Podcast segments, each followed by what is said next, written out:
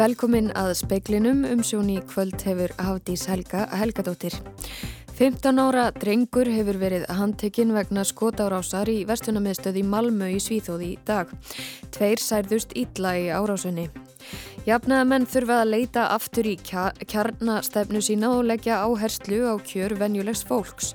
Þetta segir Kristrún Frostadóttir sem tilkynnti frambóðsi til formans samfélkingarinnar í dag. Útskrifiðum leikskólakennurum hefur fjölgað síðustu ár. Háskóla Ráðherra segir að huga þurfi að nýsköpun í leikskólakerfinu unnið er að breytingum á námsmöguleikum starfandi leikskólakennara. Almannavarnir leggja til að dagleg viðvera lauruglu og annara viðbrasaðila verði tryggð á góðstöðunum í meradölum. Þjófnaður og eigna spjöll á stýttunu af Guðriði Þorbjarnadóttur hefur verið sendt til héraðsaksóknara. Kannadi er hvort brotið hafi verið gegn laga ákvæði um að fjarlæga eða skemma ofinber minnismerki. Refsing við því er alltaf þryggja ára fangelsi. Heilbreyðiskerfi Úkrænu er að miklu leiti að haldið gangandi af sjálfbóðaliðum sem leggja lífsitt í hættu við störfin. 123 sjúkrahús þar eru óstarfhæf.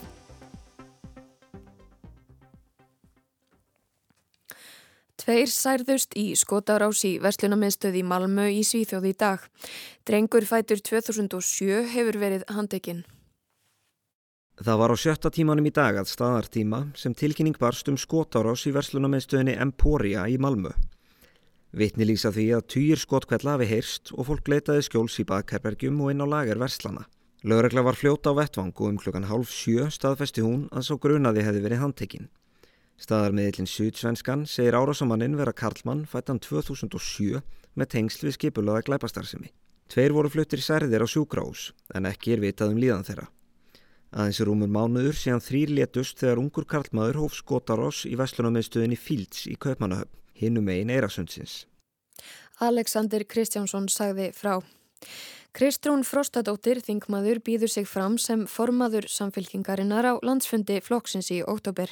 Hún greindi frá þessu og fundi með stuðningsmönnum í yðn og síð, síðdegis.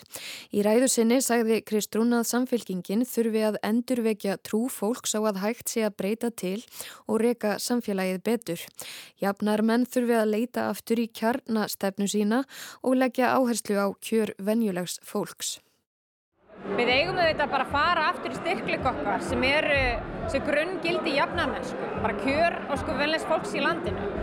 Og ég er alveg handvissum það að ef að stefna okkar og áherslu tekur bara miðaði hvað fólk er að hugsa um í sinni daglega lífi, séum með skýrar áherslu og færri mál en að valefli, það mun að skila árangri. Saði Kristrún Frostadóttir, Þórdís Arljósdóttir talaði við hana. Áslaug Arna Sigurbjörnsdóttir Háskóla ráð þeirra segir mikilvægt að huga að fjölbreytileika og nýsköpun í leikskólakerfinu. Útskriftarnemum í leikskólakennara námi hefur fjölgað síðustu ár og unnið er að breytingum á námsmöguleikum þeirra sem starfa í leikskólum. Mentavísindarsvið Háskóla Íslands þróar nú tveggja ára fagnám á háskólastígi í leikskólafræðum fyrir ófaglærða sem hægt er að taka meðfram vinnu í leikskóla. Við erum semst að vinna tillögur og munum leggja þær fyrir, við stefnum að því í oktober, hvernig við fáum fólk inn í þetta nám og getum þá vonandi bæði fjölga þeim sem eru meira læriðir og uh, vakið aðtegli á leikskólakennaranáminu og háskólastígi sem og aukið gæði þess inn í uh, leikskólanum að hafa fleiri með mentun. Segir Áslaug Arna, háskólaráð sem stendur er leikskólakennaranám 5 ár, 30 ára grunnám og 20 ára mistaranám. Yngibjörg Ósk Sigurðardóttir, umsjónamaður námsleiðar í leikskólakennaranámi í Háskóla Íslands, segir að mikill meir hluti nefnda vinni nú þegar með náminu. Hún telur miklar hagræðingar eða stýttingar á leikskólakennaranámi óæskilegar. Ég held sem mjög mikilvægt að hafa vel mentaða kennara með yngstu börnunum. Þetta er bara svo dýrmættu tími og skipta miklu máli í mentun barnana í, fram, í framtíðinni. Þannig að alla rannsóknir sína að gæði í leikskólastarfi, í mentun yngstu barnana, þau hérna eru nátengt mentun starfsfólksins. Því hæfari kennarar sem eru því betri er mentunin. Segir Ingi Björg Ósk Sigurðardóttir Pétur Magnússon tók saman.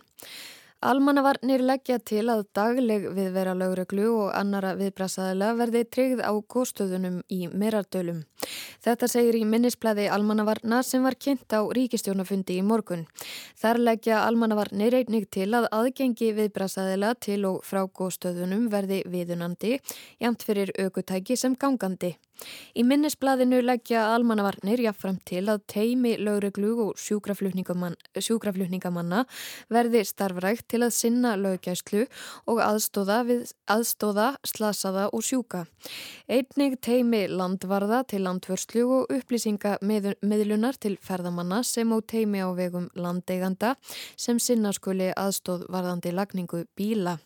Lagtir til að tvö teimi verði með daglega viðveru á góðstöðunum, annars vegar vegar með tveimur lauruglumannum og hins vegar með lauruglumanni og sjúkraflutningamanni. Viðveran skuli vera breytileg en miðist við tvo tíma fyrir sólarupprás og tvo tíma eftir sólarlag alla daga vikunar. Þá skuli viðveran taka með af stöðunni hverju sinni og verkefnum en, en áætlað er að teiminn taki til starfa í næstu viku. 123 sjúkrahús í Úkrænu eru óstarfhæf og yfir 900 eru mikið skemmt eftir loftarásir rúsnænska hersins. Heilbreiðskerfi landsins er að miklu leiti haldið gangandi af sjálfbóðaliðum sem leggja lífsitt í hættu til þess að halda úti lámarks þjónustu.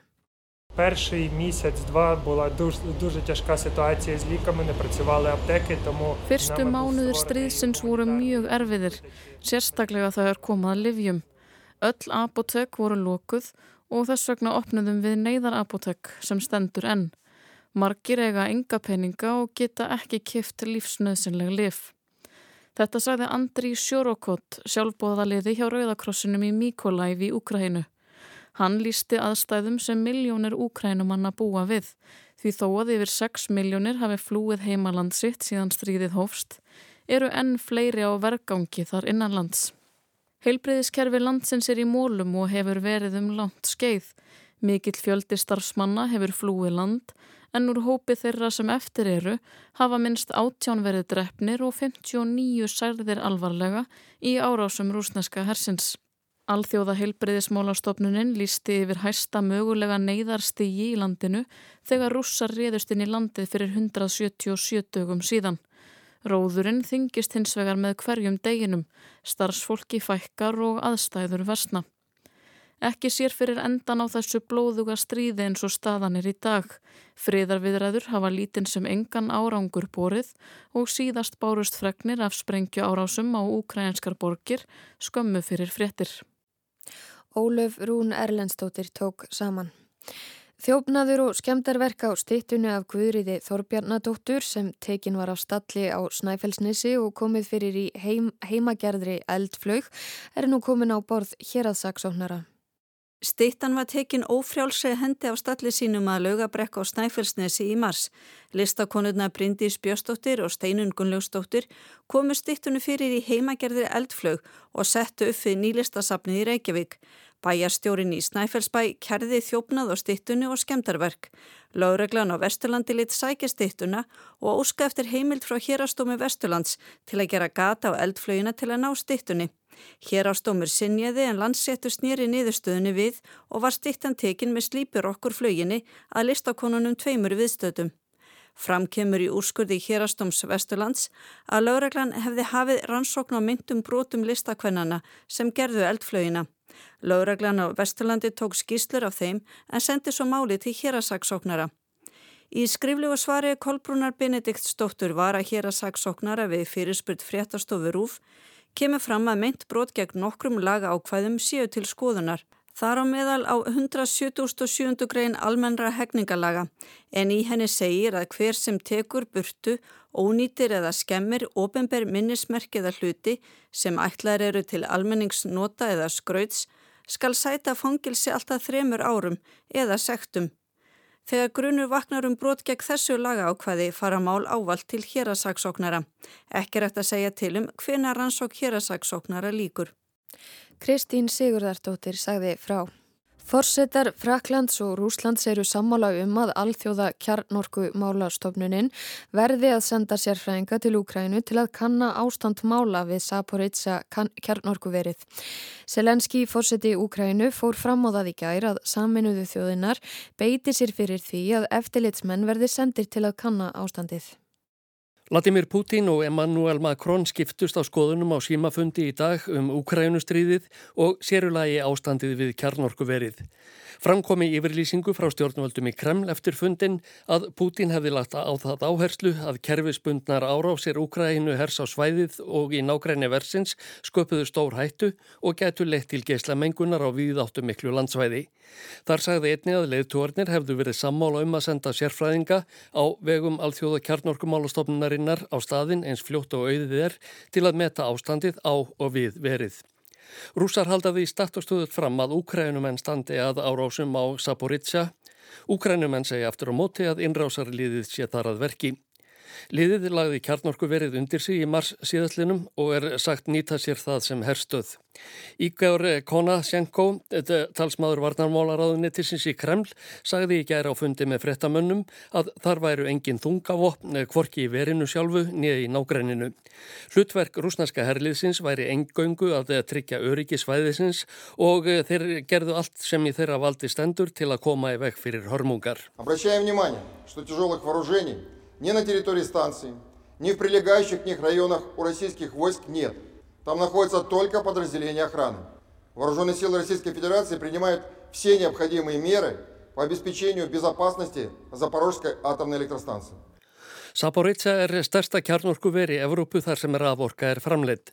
Forsetar Ukrænu og Tyrklands, þeir Volodymyr Selenski og Recep Tayyip Erdogan hittust í gær á samt Antonio Guterres aðal framkvamda stjóra saminuðu þjóðana.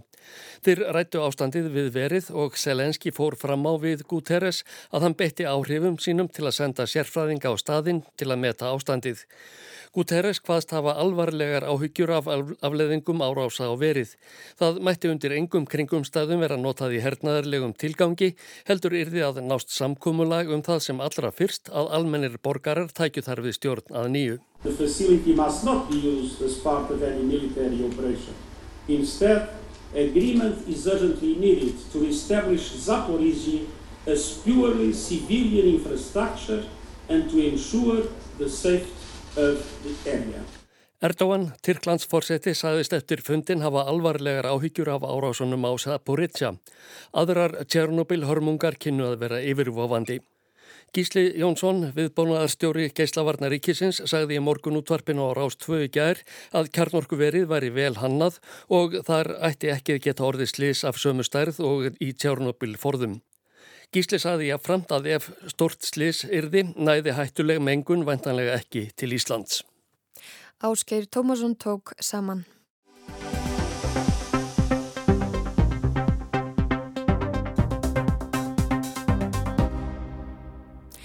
Greining Íslandsbanka spáir því að verðbólka rjúfi 10% múrin í ágúst. Gangi spáin eftir hefur verðbólka ekki mælst meiri í 13 ár eða frá því í september 2009. Hingaði komin Bergþóra Baldustóttir, hagfræðingur í Greiningu Íslandsbanka. Velkomin. Takk fyrir. Eh, við höfum ekki séð verðbólku á við þetta síðan rétt eftir hrun. Uh, aðdraðendin og aðstæður samt sem áður allt aðrar og áhrifin væntalega uh, að einhverju leiti öðruvísi. Hvernig mun fólkið í landinu helst finna fyrir þessari miklu verðbólgu ef það er ekki nú þegar farið að, að gera það? Já, ég held að flestir hafa nú tekið eftir hvað verða á maturum og bara verða almennt yfir hækka mikið þannig að ég, ég tel að svona flestir séu farin að finna fyrir þessu enda mælist verðbólgar næstu í 10% og það er alveg rosalega mikið og eins og segir hún hefur ekki verið svona mikil í 13 ár. Hún var svona síðast, uh, mældist hún svona mikil rétt eftir hrun og þá fór hún alveg upp í reynda 20% næstu því. Þannig að það var kannski líka aðeins öruvísi aðstæður. Mm -hmm. um, en ég held svona flestir finni fyrir þessari verðbólku í dag. Já. Íbúðaverðshækkanir hafa ekki verið meiri í, í 16 ár. Hversu stór áhrifavaldur eru þær? Eh, þessar íbúðverðshækkanir eru að hafa mikil áhrif á verðbólguna um þessa myndir. Eh, Verðbólgan er eitthvað kringum 10% eins og ég segi eh, og húsnæðsverðið er að skýra um 4% af því. Þannig að það er alveg þöluvert.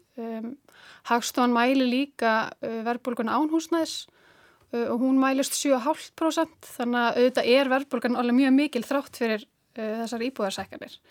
En húsnæðsverðið er að skýra stóran part af verðbólgunni uh, og það er ástæði fyrir að við teljum að hún sé svona mögulega að ná toppnum núna er að, að það eru svona vísbendingur um að, að það sé svona að hæja á íbúðverðsækkunum.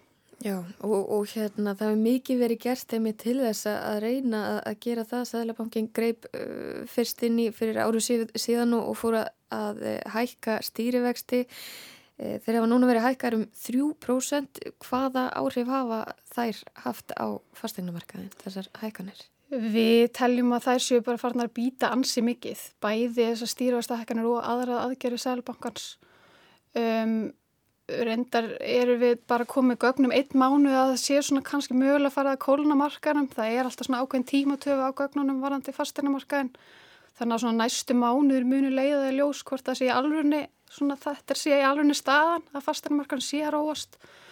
Og ef það er rétt að hann hafi róast þarna í júli þá teljum við nú afar líklegt að þessa hækkanir þarna hjá peningarstæðunandi Sælabankans bæði í mæ, hún hækkaði próst í mæ og, og annar prósent í júni að það hafi gert svona svolítið gæfi munni en hafi svolítið bremsaða markaðin og sömu leiðis þess að aðgerðir hjá fjármálastöðuleika nefnd sem að svona hertar lánaðagerðir bæði hvað var þar veðsetningar hlutfallið og greiðslubyrðina. Mm -hmm. mm -hmm. En eins og segir fastegna þátturinn er stór en samt sem áður ekki hérna svona já, orsök verðbólgunar eh, þannig að þið horfið fram á að mögulega verðbólgan fari núna bráðlega að hjaðna einhvað en kannski ekki svo mikið eða hvað? Svona í fyrstu þá hjaðna hann svolítið hægt að því við erum að sjá bara svona okkar spá er að, að, að fastanmarkan hægir á sér og, og er nú ekki fara að lækka neitt, neitt slíkt, heldur bara hægir á hækkunum. Um, og svo þarf annað að, að líka að koma til, til að mynda þess að verðhækkanir erlendis og það er nú alveg svona svona teikna lofti þar að þær séu svona farna, það fara að vera svolítið meira eins og var fyrir COVID. Við sjáum að flutningskostnar hefur lækkað og allir, öll þessi framlýsluferli hafa batnað til þess betra og, og þessar hækkanar erlendi séu svona kannski vonandi hætta. Mm -hmm. og þá, er, þá, þá hefur þetta tvent, þetta íbúmarkaðurinn og innfluta verðbólgan, þess vöru sem flytjum inn sem hafa líka haft gríðarlega mikið að segja um verðbólgan okkar ef þetta tvent er svona hætta að hækka svona mikið þá getur við síðan verðbólkuna hérna svona tölverstræðar. Mm -hmm. Hvaða aðrir þættir er að spila inn í þetta? Þetta eru þessir tveir helstu þættir. Þetta er íbúðverðið og þetta er innflötu verðbólkan. Svo hefur það líka áhrif á innlendu verðbólkun og það er svona innlendar vörur og þjónusta sem, mm -hmm. sem að nota oft þá uh, aðfengu sem eru innflutt. Þannig að þetta hefur, þetta, þetta tegir sig út í alla ángana sko. Þannig að þetta eru bara mjög margir þættir. Já. Er eitthvað sem er hægt að gera til þess að grýpa frekar í, í taumanna hérna, stuðlaði að hún hægir hraðar á sér annað en það sem hefur nú þegar verið gert? Að ykkar mati? Uh, Sæðlabankin getur náttúrulega hækka stýrivexti enn frekar og við taljum að hann gerir það á næstunni. Uh, það er á, ákvarðin í næstu viku og, og við erum að spáði að hann hækki um 0,75% vextina. Um, og hann mun gera það svona meðan að verðbólgan er ennþá svona mikil uh, og meðan að taumhald þeirra er svona laust. Í raunin eru svona raunstýrivextir þeir eru neikvæðir sem þýðir í rauninni að, að, að, að það verður svona íta undir hækjörfi í staðan fyrir að bremsa það af og, og peningastafnendin vill bremsa það af. Hún vill að þeir séu, að raunstýrivextinir séu jákvæðir og hún ætlar að, að láta verða því og með, þá þarf hún að hækka vexti enn frikar og, og vona sig á verðbólgan hefðinni svo. Já, og hvaða afleggingar hefur það á fólk? Til dæmi sem eru með verðtriður lán eða breytilega vexti og svo framvegis? Þetta, já, þetta hefur áhrif á þá sem eru með, sérstaklega með verðtrið lán, verðbólgan þar að segja um, og svo hefur þetta áhrif á hana, fólk sem er óvertrið lán í, í formi vaksta því að vextir hækka eins og ég segi, þá er alveg frekar líklegt að Sælubankin haldi áfram að hækka vexti og, og þá mun að hækka vexti á óvertunum lánum. Þannig að þetta hefur áhrif á fólk sem er með íbúðlán bara yfir höfuð og það er í rauninni tilgangurinn með þessum vexta hækkunum er að bremsa svolítið fólka og fyrirtæki. Bara segja hérna, við þurfum aðeins að slaka á í hækjörinu núna, við, við erum með svona miklu varbolgu og við, hún þarf að komast inn í markmið mm -hmm. og þetta er tilgangurinn með uh, vexta hækkunum er eitthvað svona ráð sem rægt að gefa bara hreinlega fólki núna í, þess, sko, í þessari miklu verðbólgu? Uh, það er svolítið lítið sem þau geta gert í verðbólgunum nema kannski bara vera meðvitaðir neytendur uh, skoða verðin á vörunum, þú veist, er þetta ómikil hækkun og, og þess áttar uh, hvað var það að, að, að allt, allt hækki svona mikið og íbúðalón sömu leiðis og þess áttar það er bara að reyna að fara vel með peningana sína og spara og, og þess áttar mm. en annars er þetta svolítið mikið í höndum uh, annara meðal annars Sælubankans og, og hérna, að ná þessari verðbólgu niður. Já, einmitt það Bergþóra Baldurstóttir Hagfræðingur í greiningu Íslandsbáka. Uh, takk fyrir komuna í speilin. Takk fyrir mig.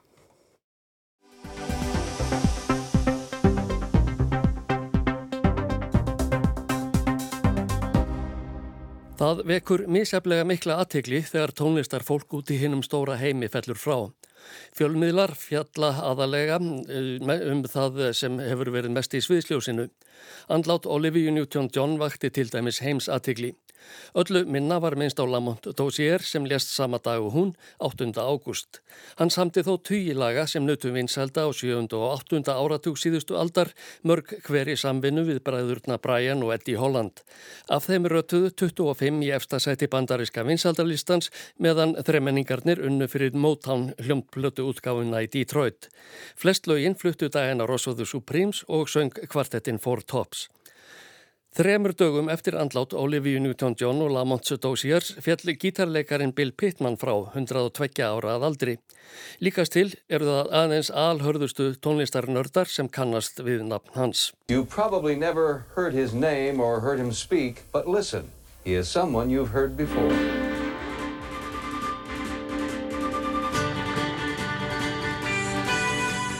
Bill Pittman leik á gítar í fjölda kveikmynda og sjónvarps þátt á laungum ferli þar á meðal sjónvarpsseríunni Bonanza.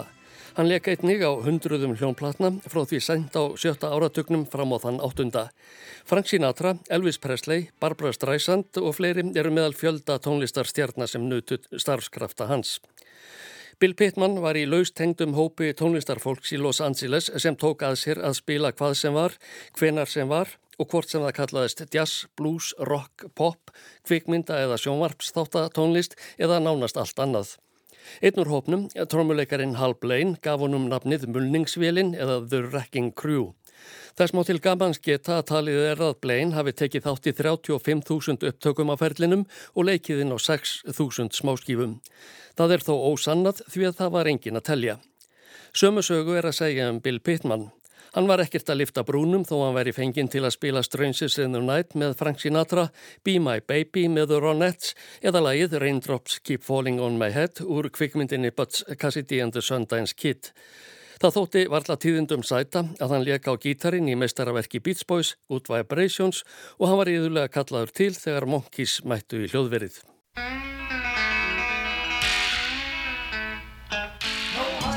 Þetta er eitt af fáum dæmum þar sem heyra má Bill Pittman leika á gítarin. Læðið er Papa Jeans Blues með The Monkeys. Íðulega fjall gítarleikur hans saman við leik annara og druknaði gerðan í strengjum, ekki síst í upptökum fyrir kveikmyndir og sjónvarpstætti. Gítarleikararnir í mulningsfélinni í Los Angeles voru all nokkrir. Auk Pittmans má nefna af handahófi Tommy Tedeko, Bill Aiken, Barney Kessel og Glenn Campbell sem reyndar að ávann sér heimsfræð í countrytónlistinni. Fæstir í mulningsvelinni voru nokkru sinni nafngreindir á plötualbúnum stjarnana og voru svo sem ekkert að leggja á minnið hver spilaði hvað. Raunar er óvist hver margir hljóðfaraleikarar voru í þessu úrvalsliði en Wikipedia telur upp 82.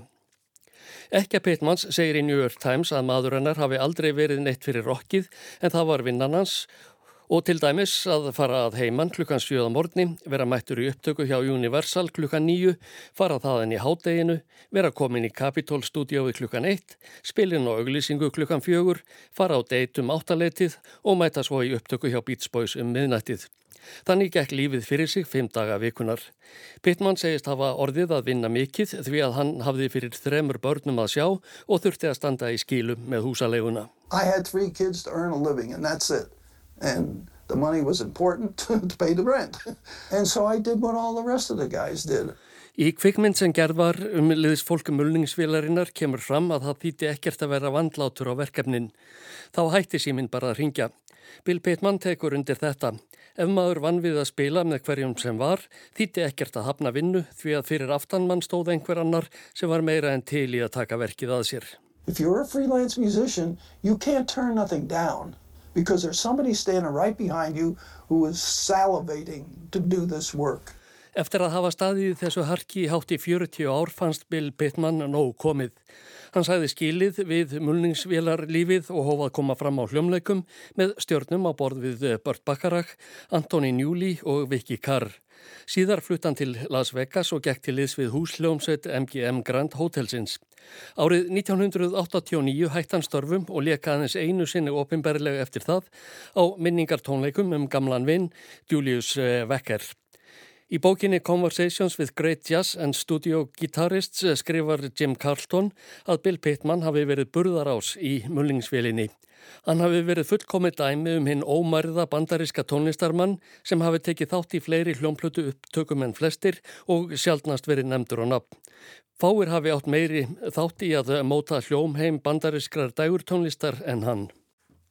Áskeir Tómasson sagði frá.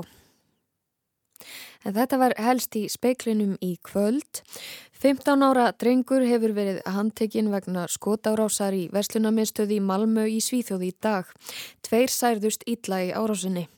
Jafnar menn þurfa að leita aftur í kjarnastefnu sína og leggja áherslu á kjör venjulegs fólks.